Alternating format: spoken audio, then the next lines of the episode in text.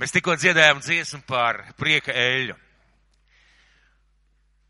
Un e, es ticu, ka Dievs mums katram grib dot daudz prieka, daudz prieka, daudz e, laika un daudz brīnišķīgu lietu izbaudīt savā dzīvē.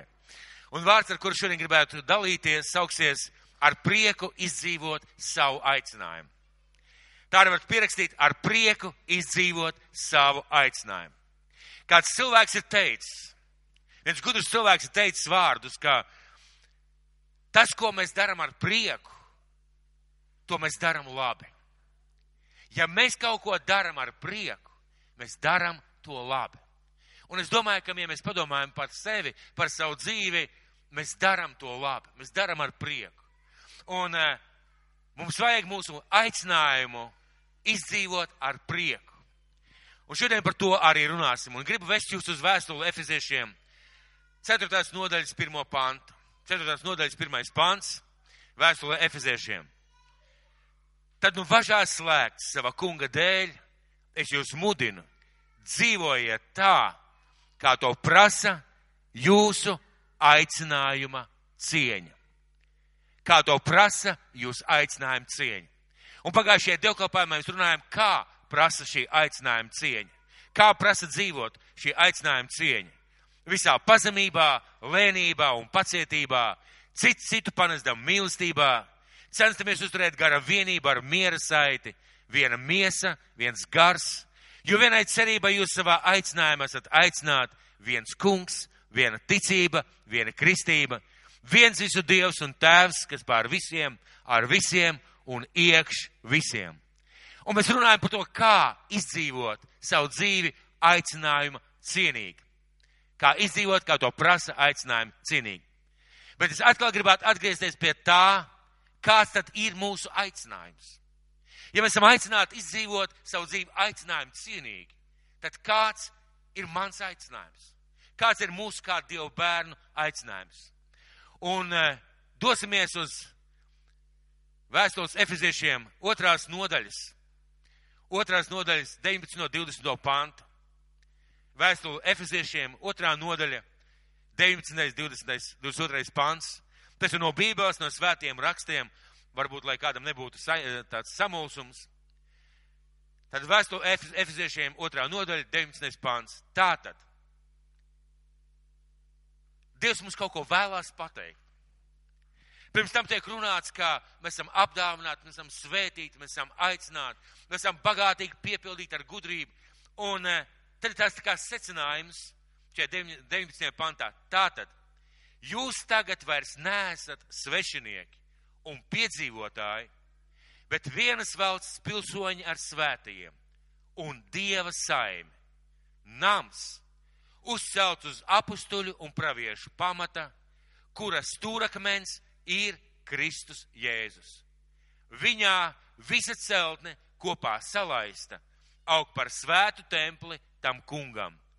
Un viņā arī jūs līdzi tiekat uzcelti par Dieva mājokli garā. Tātad kāds ir mūsu aicinājums? Būt par vienas valsts pilsoņiem ar Jēzu Kristu, ar svētajiem uz zemes un ar svētajiem debesīs būt par vienas valsts pilsoņiem, būt par Dieva saimi, par Dieva ģimeni. Mums ir viens tēvs, mēs savā starpā esam māsas un brāļi. Tas ir mūsu aicinājums būt par vienu ģimeni. Mūsu aicinājums ir būt par namu, kas uzcelts uz apustuļu un praviešu mācības. Draudzē ir uzcelt uz apustuļu un praviešu mācības, un šai mācībai ir stūrakmens Jēzus Kristus. Tātad mūsu pamats, mūsu sākums ir mūsu kungs Jēzus Kristus. Un mūsu aicinājums ir ļaut un līdzdarboties svētiem garam, lai mēs tiktu salaisti kopā. Visā viņā visa celtne salaista kopā aug par svētu templu tam kungam, un viņā arī jūs līdzi tiekat uzcelt par Dieva mājokli garā. Tātad mūsu aicinājums un ir ļaut un līdzdarboties Dievam tajā, lai viņš, lai svētais gars mūs salaiž kopā. Ziniet, kā saliek rokas šādā veidā kopā. Kā salaiž kādreiz akmeņus. Ja esat redzējuši kādreiz vecās mājas, jeb e, vecās pilis kādus mūrus, tad tur nepa, nebija tā, ka vienkārši akmeņus ņēma un sakrāva kaudzītē vai vienkārši samūrēja. Akmeņus iegrozīja, piegrozīja, piecirta, nocirta liekos, sakārtoja, ielika mazākus akmentiņus pa vidu. Tādā veidā arī Dievs mūs salaiž. Mūsu aicinājums ir ļaut Dievam mūs salaist savā starpā kopā. Un uh, mūsu aicinājums ir ļaut un līdzdarboties svētajam garam, audzēt mūs par svētu templi tam kungam. Mūsu aicinājums ir ļaut, lai svētais gars veido no mums templi dievam. Un mūsu aicinājums ir ļaut un līdzdarboties svētajam garam tajā, lai tiekam uzcelti par dieva mājokli garā, par templi, namu, personību, kurā dzīvo Dievs. Tas ir mūsu aicinājums. Tas ir mūsu aicinājums, un šī, šie panti ļoti skaidri par to saka. Liels izcils aicinājums, dišs aicinājums, unikāls aicinājums ikvienam no mums un katrai draudzēji, katram draudzes loceklim. Bet varētu rasties sajūta, ka mēs esam aicināti sēdēt. Ka var Dievs uzcels, sagatavos, izveidos. Mēs esam aicināti gaidīt, kad pienāks tas laiks, kad mēs kaut ko varēsim beidzot darīt, kad ir šis te sajūta var rasties, ka mēs esam aicināti vienkārši attīstīties, pilnveidoties, tā kā attīstīt savu personību un vienkārši baudīt. Un var rasties sajūta, ka mēs esam aicināti baudīt, būt Dieva draudzē, baudīt no dzīves un nekad nebūt gatavam. Un nekad nebūt gatavam. Varētu padomāt, ka tas aicinājums balstās uz to, kas mēs vēl būsim, kas mēs esam, un visā tajā sēdēt, gaidīt un absolūti neko nedarīt, vienkārši ļauties šim procesam. Absolūti nē. Es ceļos diezgan agri. Un, ziniet, ja jūs, ja jūs esat piesardzīgi vai uzmanīgi ar svēto garu, jūs ieraudzīsiet dabā apkārt dažādas interesantas lietas, ar kurām Dievs jums varēs runāt. Un es piecēlos diezgan agri, bija vēl, bija vēl liela tumsa. Un uh, es lūdzu Dievu un skatījos ārā pa logu, un es ieraudzīju laternu, pāri ielē ir laterna. Un šī laterna dega, bija spoža gaisma, nakts apkārt, un es skatos ap šo laternu, riņķo naktstauriņu. Viņi vienkārši riņķo, sitās par to laternu, aizskiem projām, atskiem atpakaļ. Haotiska kustība, naktstauriņi vienkārši neriņķo. Mēs neesam aicināti Dievu gaismā vienkārši haotiski riņķot. Mēs neesam aicināti vienkārši sēdēt, dzīvot, gaidīt un baudīt to mirkli, kad Dievs mūs sagaidīs. Jo mums ir vēl kāds aicinājums. Vēl kāds aicinājums, ko mums katram vajag izdzīvot. Un es gribētu uzsvērt, izdzīvot ar prieku. Piedalīties lielajā Dieva misijā šajā pasaulē. Mēs neesam aicināti tikai būt draudzē, mācīties, ļaut savienoties, pieslīpēties, piemazgāties, pieveidoties. Mēs esam aicināti piedalīties lielajā Dieva misijā šajā pasaulē, uz šīs planētas Zeme. Jūs zināt, ka Dievam ir misija glābt cilvēkus un mainīt šo pasauli. Dievam ir misija, ja mēs lasām Bībeli, mēs varam ieraudzīt no pirmās lapas puses. No pirmās lapas puses, kā Dievs rada zemi. Mēs tam mēs redzam dažādas lietas, ko Dievs dara. Un pēdējā nodaļās atklāsmes grāmatā mēs redzam, kā Dievs atkal visu maina. Un caur šo garo stāstu, kas ilgst gadu tūkstošiem, Dievs glāb cilvēks un pamazām maina šo pasauli. Un Dieva misija un aicinājums ir atklāt cilvēkiem savu mīlestību. Tik daudz šajā pasaulē jūtās vientuļi, tik daudz šajā pasaulē jūtās bez tēva palīdzības, tik daudz cilvēku. Un tā ir mūsu, mūsu uzdevums, mūsu aicinājums. Piedalīties šajā lielajā Dieva misijā. Un Dievs to var izdarīt tikai, es gribētu uzsvērt, tikai un vienīgi caur savu draugu, caur Dieva bērniem, caur kristiešiem, caur tevi un caur mani.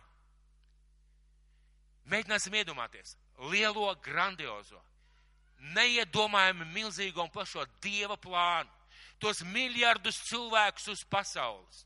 Tās daudzās pilsētas lietas, notikumus, dabas katastrofas vai taisn labos laikus, ko Dievs veido šajā pasaulē. Un visā šajā milzīgajā plānā man un tev ir misija, aicinājums piedalīties ar savu daļu. Tas ir kaut kas ārkārtīgi izcils un ārkārtīgi svarīgs un ārkārtīgi nozīmīgs. Un mums ir jāzina, ka mēs esam lielās, šīs lielās cīņas daļa. Un tāpēc šajā pašā vēstulē, 6. nodaļā, 10. pantā, šī pati vēstule, 6. nodaļa, vēstule Efeziešiem, 6. nodaļa, 10. pantā, Svētais Gars runā par kāda kristieša neatņemamu. Es gribētu vēlreiz atkārtot. Svētais Gars runā par, kā, par katra kristieša neatņemamu, neatņemamu aicinājumu. Un mudina ne tikai ar prieku, bet būt draudzē, bet ar prieku izdzīvot savu aicinājumu un izdzīvot uzvaras un cīņas prieku. Es nebaidos šī vārda tiešām izdzīvot, cīņas un uzvaras prieku, izdzīvot savu aicinājumu, savu aicinājumu garīgajā kaujā, kādā mēs dzīvojam šajā pasaulē. Un kāds teicis, eh, visu, ko mēs darām, mēs darām ar prieku. Tāpēc es gribētu runāt arī par šo aicinājumu, cīnīties šo garīgo cīņu, ka mums tas ir jāizdzīvo ar prieku. Un, ziniet, pagātnē ir bijušas kultūras, bijušas kultūras, kurās ir bijuši tāda nevis tradīcija, bet tāds uzskats, ka katrs īsts vīrietis ja vīrieša gods, ja vīrieša lepnums, pabeigt savu dzīvi ir kaujas laukā, nevis uz vecuma gultas. Un cilvēks, kurš pabeidza kaujas laikā, savu, lauk, laukā savu dzīvi, gāja bojā, viņš tika uzskatīts par varoni vai par cilvēku, kurš ir pilnvērtīgi un pilnīgi nodzīvojis savu dzīvi. Un man gribētos teikt, tieši tāpat par mums. Mēs arī esam aicināti aiziet līdz galam kā, kā uzvarētāji. Atrodieties cīņas laukā kā uzvarētāji, kā cīnītāji, atroties šajā cīņas laukā. Un ikvienam, neatkarīgi no dāvanas, no personīga aicinājuma, no vecuma vai no dzimuma, ir šis aicinājums. Šis aicinājums būt šajā dieva kaujā, būt daļai no šī aicinājuma, būt ar savu aicinājumu visā tajā iekšā. Mēs kādreiz braucam ar mašīnām, un cilvēki liek uz mašīnām interesantus uzrakstus. Un kā jau es teicu, ja mēs tā uzmanīgi skatāmies apkārt pasaulē, mēs varam ieraudzīt, kā Dievs uz mums caur dažām lietām runā. Un uh, labu laiku atpakaļ es redzēju kādu uzrakstu uz kādas mašīnas. Man šis uzraksts personīgi ļoti uzrunāja, lika domāt, un es viņu joprojām vēl atceros. Šis uzraksts bija krievu valodā, es viņu tūkošu nedaudz latviski. latviski. Nav bailes nomirt, ir bailes nedzīvot. Un tā ir taisnība. Tā ir absolūta taisnība, kā mums nav jābaidās no nāves. Mums ir jābaidās no tā, ka mēs savu dzīvi neizdzīvojam tā, kā mēs esam aicināti izdzīvot. Un pasaulē ir tik milzīgi daudz cilvēku, kristiešu, kuriem ir tāds potenciāls, tādas spējas, tādi talanti, tāda varēšana, ja tā varētu teikt, ielikt no Dieva. Bet viņu dzīvē tas nekad neparādās. Viņa dzīvē tas nekad neizpaužas uz ārā. Jo cilvēks nesaprot, ka tas ir viņa aicinājums izdzīvot tās dāvanas šajā kaujas laukā, šajā cīņas laukā, kur mums katram ir dot. Kas bruņojas ar bruņām? Cilvēks, kurš domās doties kaujā. Kurš paņem ieročus? Cilvēks, kurš plāno doties kaujā. Kurš ir aicināts doties kaujā. Un šajā vēstulē Efeziešiem 6. nodaļā, 10. pantā sāksim lasīt. Beidzot, topiet stipri savā kungā un viņa varenajā spēkā. Beidzot, topiet stipri savā kungā un viņa varenajā spēkā. Kādā veidā tapt stipram? Bruņojieties ar visiem dieva ieročiem, lai jūs varētu pretīm stāties vēlna viltībām. Un šajā mirklī kristietība, es sēžu beņķī, izgāžās. Kristietība, es nepārtraukti pilnveidojos, mācos, veidojos, paņemu tur, paņemu tur, paņemu tur, un visu laiku es mācīju procesā un nekad neiesaistos, nekad neieguldos, izgāžās. Jo šajā vietā Pāvils saka, bruņojieties, topiet stipri savā kungā un varējā spēkā, bruņojieties ar visiem dievieročiem, lai jūs varētu pretīm stāties vēlna viltībām. Kādā veidā mēs varam bruņoties ar dievu ieročiem? Kādā veidā mēs varam bruņoties ar Dieva ieročiem? Un kāpēc? 12. pants. Jo ne pret miesu un asinīm mums jācīnās. Tāda cīņa, bet pret valdībām un varām, šīs tumsības pasaules valdniekiem un pret ļaunajiem gariem pasaules telpā. Un lūk šeit, nevienam kristietim nav aizbildinājuma, es esmu par vecu, es esmu sieviete, es esmu vīrietis, es daudz ko nesaprotu. Dievs saka, bruņojieties, dodieties šajā cīņā, gatavojieties. Mēs tālāk lasīsim par tiem ieročiem, ko Dievs mums apsola iedot. Bet viņš saka, jums ir cīņa, es cīnos, un mēs sakam, ka mēs esam Kristu. Kristus cīnās par šo pasauli. Kristus cīnās par mūsu kaimiņiem, par mūsu radiem, par mūsu palīgiem. Dievs cīnās. Ja mēs esam Kristu, mēs esam aicināti izdzīvot šo savu aicinājumu šajā kaujas laukā, šajā garīgās cīņas laukā. Un šeit Dievs kārti skaidri pasaka, ne pret cilvēkiem, ne pret cilvēkiem, ne pret miesu, ne pret asinīm, bet pret ļauniem gariem, tumsas valdniekiem pasaules telpā. Jo parasti aiz cilvēku rīcības, kaut kādiem motīviem, lietām stāv šie tumsas spēki. Un Dievs saka, bet jums ir jācīnās. Jūs nevarat palikt malā, jums ir jācīnās. Un 12. pāns tātad vēlreiz. Beidzot, topiet stipri savā kungā viņa varenajā spēkā. Bruņojieties ar visiem dieva ieročiem, lai jūs varētu pretīm stāties vēlna viltībām. Jo ne pret miesu un asinīm mums jācīnās, pret, pret valdībām un varām, šīs tumsības pasaules valdniekiem un pret ļaunajiem gariem pasaules telpā. Kāpēc tapt stipram? Un parastais uzskats vēlreiz gribētu atkārtot - jāaizstāvs. Kāpēc man jābūt stipram garīgi? Jo jāaizstāvs. Kāpēc man ir vajadzīgs zobens? Jo jāaizstāvs. Kāpēc man ir vajadzīgs vairogs? Jo jāaizstāvs. Kāpēc man ir vajadzīga bruņucepura? Jo jāaizstāvs. Tā nav taisnība, jo, ziniet, Jēzus pats teica, es esmu nācis ārdīt velna darbus. Jēzus nenāca piegludināt frizūru, Jēzus nenāca uztaisīt kosmētisko pasaulē, viņš nāca ārdīt vēlna darbus. Viņš to skaidri pasludināja. Un, ziniet, ir kāda kustība, ir cilvēki, kas nodarbojas tādu ļoti vērtīgu un interesantu lietu. Ir cilvēki, kuri ārda bebru dambjus. Jūs zināt, ka pavasarī bebru dāmbi ir aizskaloti, pavasarī mazajās upēs bebri sabūvē dāmbis un zivīm nav īsti vairs kur iet un šīs te upītes aizaug, sasmok reizēm ūdens un nav nekāds labais rezultāts. Un ir cilvēki, kas mērtiecīgi iet pa šīm upītēm. Grupām, komandām, viens, divi, trīs, četri, kaut kādi instrumenti, ko viņi dara. Viņi brien pa upi un mērtiecīgi vienu pēc otra atbrīvo šupi no bebri dāmbi. Un Kristus mūs ir aicinājis šādā cīņā atbrīvot no lietām šo pasauli, kas pasauli verdzina. Mums, tas ir mūsu aicinājums. Kā tapt stipram? Kā tapt stipram šajā Dieva spēkā? 13. pants. Tāpēc satveriet visus Dieva ieročus, lai jūs būtu spēcīgi pretīm stāties ļaunajā dienā un visu uzvarējuši varētu pastāvēt. Tātad stipram, te, stipram, stiprs var kļūt tikai satverot dievu ieročus. Kādi ir šie ieroči? Precīzāk, kādi ir šie ieroči? 14. pāns. Tātad stāviet savus gurnus apjozuši ar patiesību.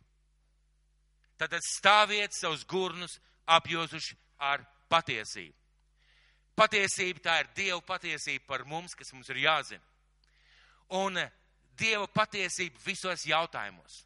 Mīļie, mūsu ierocis ir šī te, šī te, mūsu ierocis ir šī te patiesības josta, apjaušies ar patiesību, šī patiesības josta, ka Dievam ir taisnība par visiem jautājumiem. Kultūras mainās, paradumi mainās, paražas mainās, laika mainās. Dieva patiesība stāv un paliek. Visos jautājumos Dievam ir taisnība. Tās ir mūsu šī patiesības josta. Taisnības bruņas. Tērpušies taisnības bruņās. Kas ir taisnības bruņas? Dieva taisnošana. Mēs esam taisnoti. Un taisnība mūsu dzīvē. Taisnība Dieva un cilvēku priekšā. Tās ir mūsu bruņas, mīļie draugi. Tas ir tas, ko Dievs saka, uzvelciet šīs bruņas taisnību savā ikdienā taisnību savos darbos, savos nodokļos, savās finansēs, savās attiecībās, savā rīcībā, savos motīvos. Taisnība. Tā ir bruņas. Bruņas, ko Dievs saka mums uzvilkt. 15. pants. Kājas apāvuši ar apņemšanos kalpot miera evaņģēliem. Kājas apāvuši ar apņemšanos kalpot miera evaņģēliem. Tas nozīmē, ka tu esi apāvis kājas ar, ar bruņām, jeb ar tādu speciālu apģērbu, speciāliem zābakiem, lai sludinātu evaņģēliju.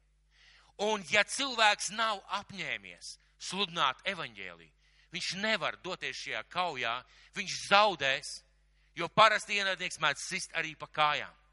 Un šajā vietā neiet runa par to, ka tev ir jāsludina evaņģēlijas, vai tev kaut kas tas vai tas jādara rakstīts un apņēmušies kalpot miera evaņģēliju. Iekšēja apņemšanās. Es vēlos kalpot miera evaņģēlijam. 16. pants. Bez visa tā satveriet ticības vairogu, ar ko jūs varēsiet dzēst visas ļaunā ugunīgas, ugunīgās bultas. Kādu ticības vairogu? Ticību Kristum, ticību uzvarai, ticību Dievu vārdam un ticību savam aicinājumam. Ziniet, kā zaudēt kauju? Ziniet, kā var zaudēt kauju? Sāc neticēt, ka tu vari uzvarēt. Un tu jau esi zaudējis. Vēl nekas nav noticis, bet tu jau esi zaudējis. Un šajā vietā ir runa par ticību Kristum, ticību uzvarai, ticību savam aicinājumam un ticību tam, ka tu stāvi pār Dieva lietu. Ticību lietām, ko Dievs ir pateicis. 17. pāns. Ņemiet arī pestīšanas bruņu cepuri. Pestīšanas bruņu cepuri. Tā ir pārliecība par savu piederību Kristum.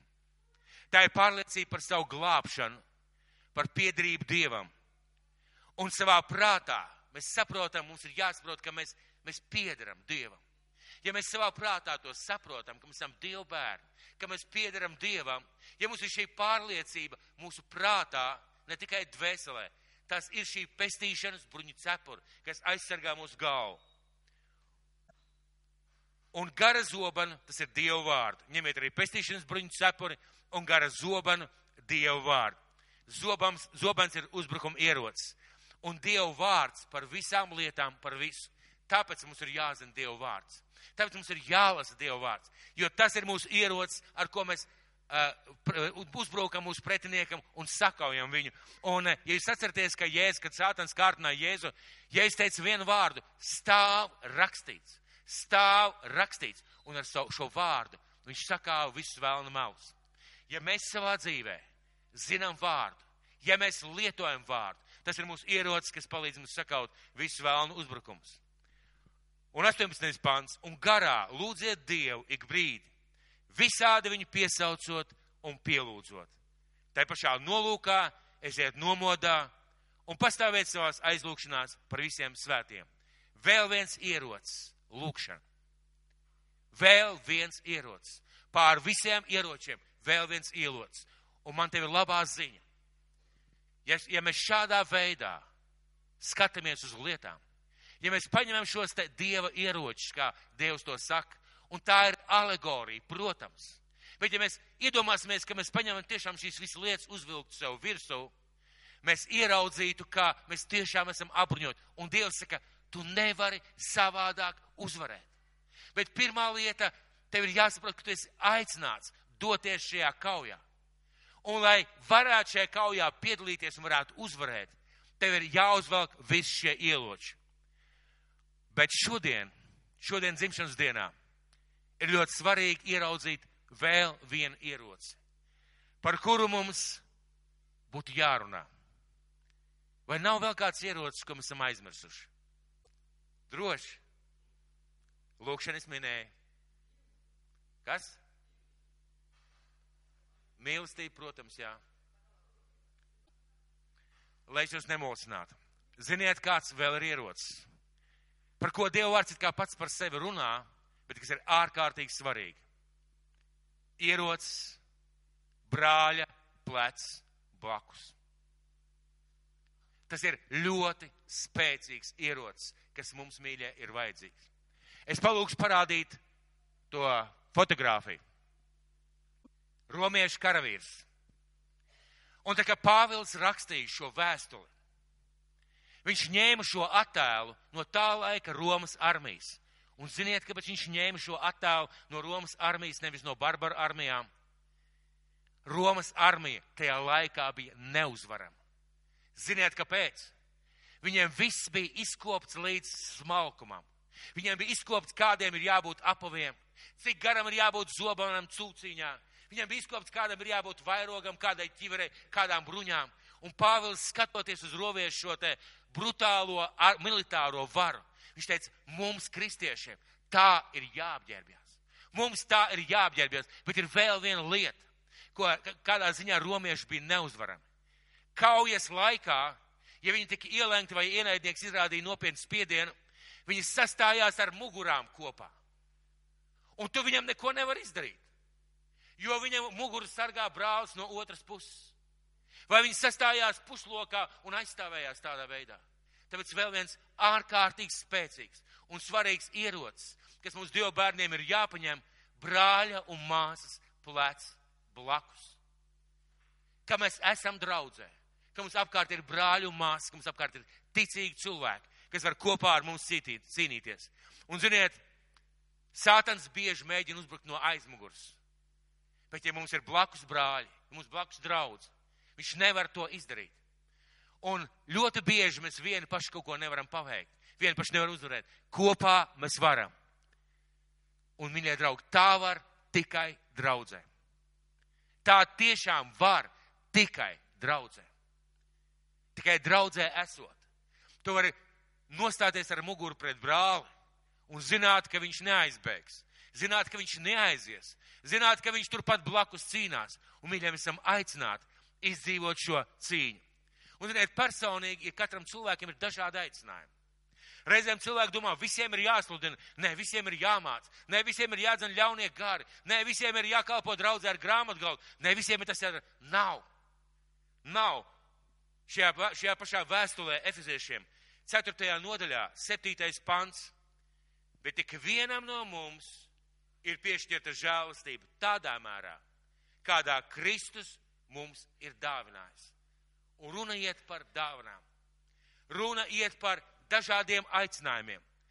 Un tik svarīgi zināt un izdzīvot savu personīgo aicinājumu. Cik svarīgi zināt un izdzīvot kristiešu aicinājumu savā dzīvē. Es piedaru Dievam, es piedaru šajā lielajā kaujā. Bet šajā lielajā kaujā, kaut man ir visi ieroči, kas ir šim karavīram, man ir mans personīgais aicinājums. Es šodien no rīta aprunājos ar savu tēti. Viņš karoja otrajā pasaules karā. Viņš karoja tādā ārkārtīgi interesantā un zināmā mērā bīstamā daļā. Viņš karoja būvbrigādē. Kāpēc jūs nesmieties? Vai karā būvbrigāde nav smieklīgi? Lieta tāda, ka šī būvbrigāde būvēja ierakumus. Un kā tas notika? Stāv viena fronte, un stāv otra fronte. Un šie te karavīri, šī būvbrigāde naktī uz vēdera lien līdz tam viducītim apmēram starp abām divām, abām divām frontes līnijām. Guļot viens pēc otra, guļot uz zemes sniegā, viens pēc otra ar lāpstiņu zem sevis roku un izrok pa nakti tranšēs. Izrok pa nakti ierakumus, jo no rīta viņu daļa dosies uzbrukumā. Un tajā mirklī, kad viņi paliek tajos ierakumos, uzaust gaisma, un viņus var redzēt, viņus var nošaut, viņi vienkārši tur sagatavo šo ceļu uzbrukumam. Un pēc tam dodas kaujā šie karavīri, jeb kara, karaspēks, ja tā varētu teikt, šīs pārējās daļas. Un šajos ierakumos, ko šie cilvēki izrakuši, ieņem šo vietu. Un tikai tad šī būvbrigāde dodas atpakaļ. Redziet, mums katram savs aicinājums, un man te piemērs bija, es pajautāju, kādas vēl bija daļas, bija karavīri, va, vadība, bet bija aizmugures daļas. Un ziniet, ko aizmugures daļas darīja? Pa nakti, kad bija tumšs, veda produktus, veda munīciju, veda projām ievainotos. Viņi riskēja tikpat daudz kā tie, kas karoja. Bet kopā viņi cīnījās kopā. Viņi cīnījās kopā. Kas būtu bijis, būtu tikai būvbrigāde. Viņi neko nebūtu varējuši uzvarēt. Kas būtu bijis tikai aizmugures daļa, viņi neko nebūtu varējuši uzvarēt. Un ko varētu būt varējis izdarīt šie karavīri, nobruņot līdz zobiem, vai kā otrā pasaules karā laikā pietiekuši apbruņot. Ja viņiem nebūtu kas sagatavot ranšēs, sagatavo vietu, kur apmesties, ja gadījumā e, ienaidnieks pret tomēr viņus atsit. Un kas pieved viņiem munīciju, produktus, medikamentus kopā.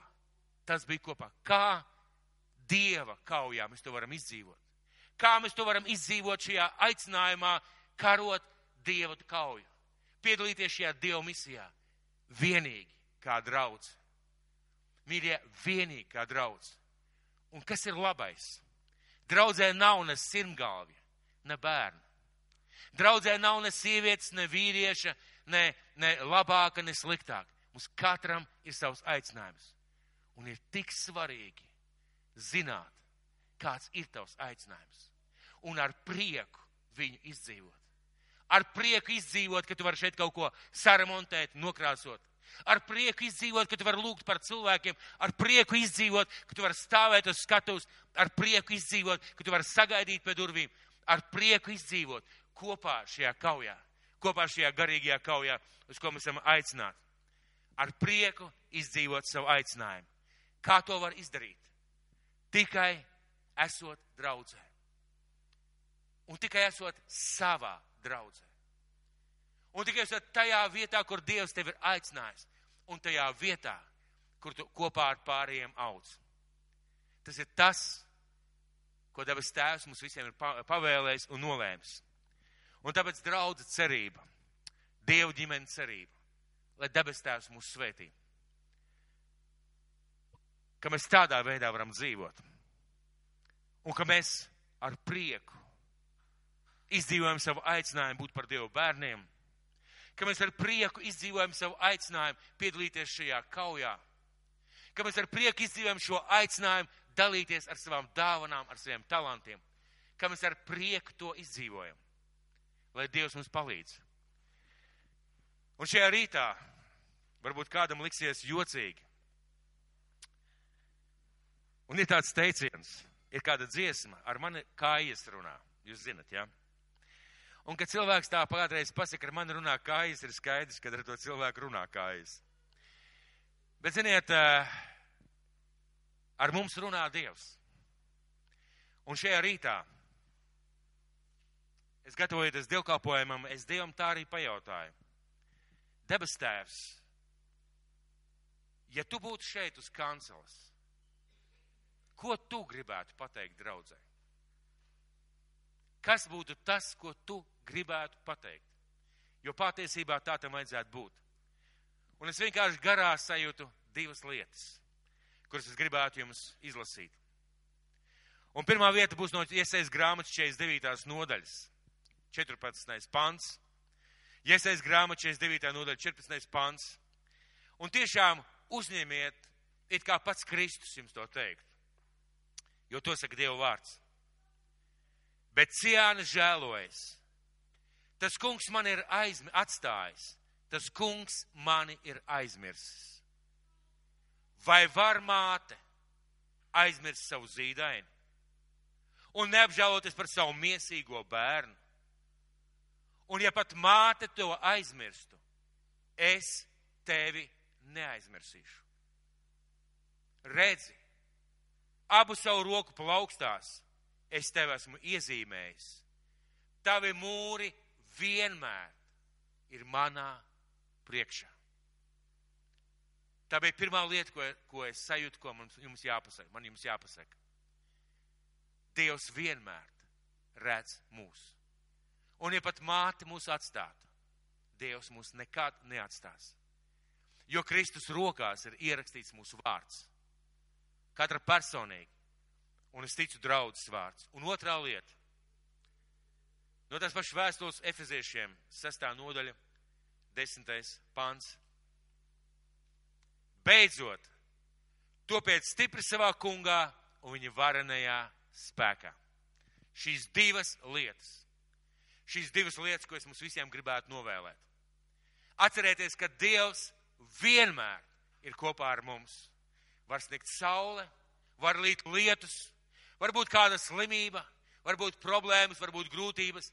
Dievs vienmēr, vienmēr ir kopā ar tevi. Un otra lieta - topi stiprs savā kungā un viņa varenajā spēkā.